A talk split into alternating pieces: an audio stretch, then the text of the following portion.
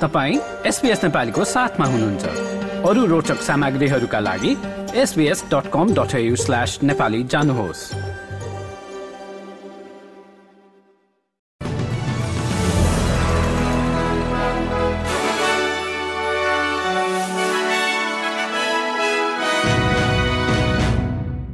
नमस्कार। आज सन् दुई हजार तेइस सेप्टेम्बर बाइस र दिन हो शुक्रबार।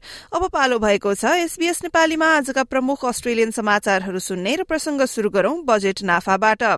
आर्थिक वर्ष सन् दुई हजार बाइस तेइसमा अस्ट्रेलियाको अर्थतन्त्रमा बाइस अर्ब दस करोड़ डलर बराबर लाभ भएको ट्रेजरर जिम चामसले घोषणा गरेका छन्। गत पन्ध्र वर्षको अवधिमा सरकारी ढुकुटीमा पहिलो पटक खर्चको तुलनामा आय बढ़ी भएको हो। अर्को प्रसंगमा रूपर्ट मर्डकले फक्स र न्यूज कोपको चेयरम्यानको पदबाट राजीनामा दिने घोषणा गरेका छन्।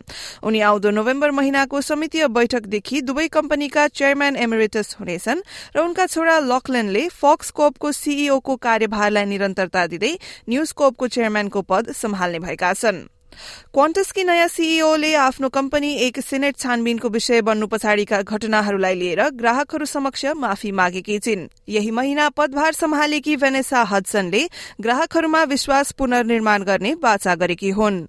कोविड उन्नाइस महामारीको बारेमा हुने छानबिनमा अस्ट्रेलियाका राज्य तथा प्रदेशहरू पनि सहभागी हुन पाउने ट्रेजरर जिम चामसले घोषणा गरेका छन्। उक्त मामिलामा शाही आयोग स्थापना नगर्ने आफ्नो सरकारको निर्णयको पनि उनले बचाउ गरेका हुन्। लकडाउन विद्यालय बन्द र अनिवार्य मास्क लगाउने जस्ता राज्य र प्रदेशको स्तरबाट भएका निर्णयहरूको भने अनुसन्धान नहुने बताइएको छ।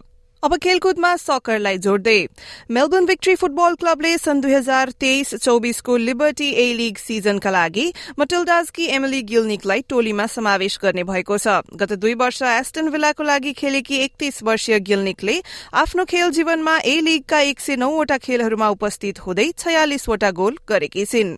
हस्त यसका साथ एसबीएस नेपालीबाट आजका प्रमुख समाचार यति नै। सुरक्षित रहनुहोस्। नमस्ते।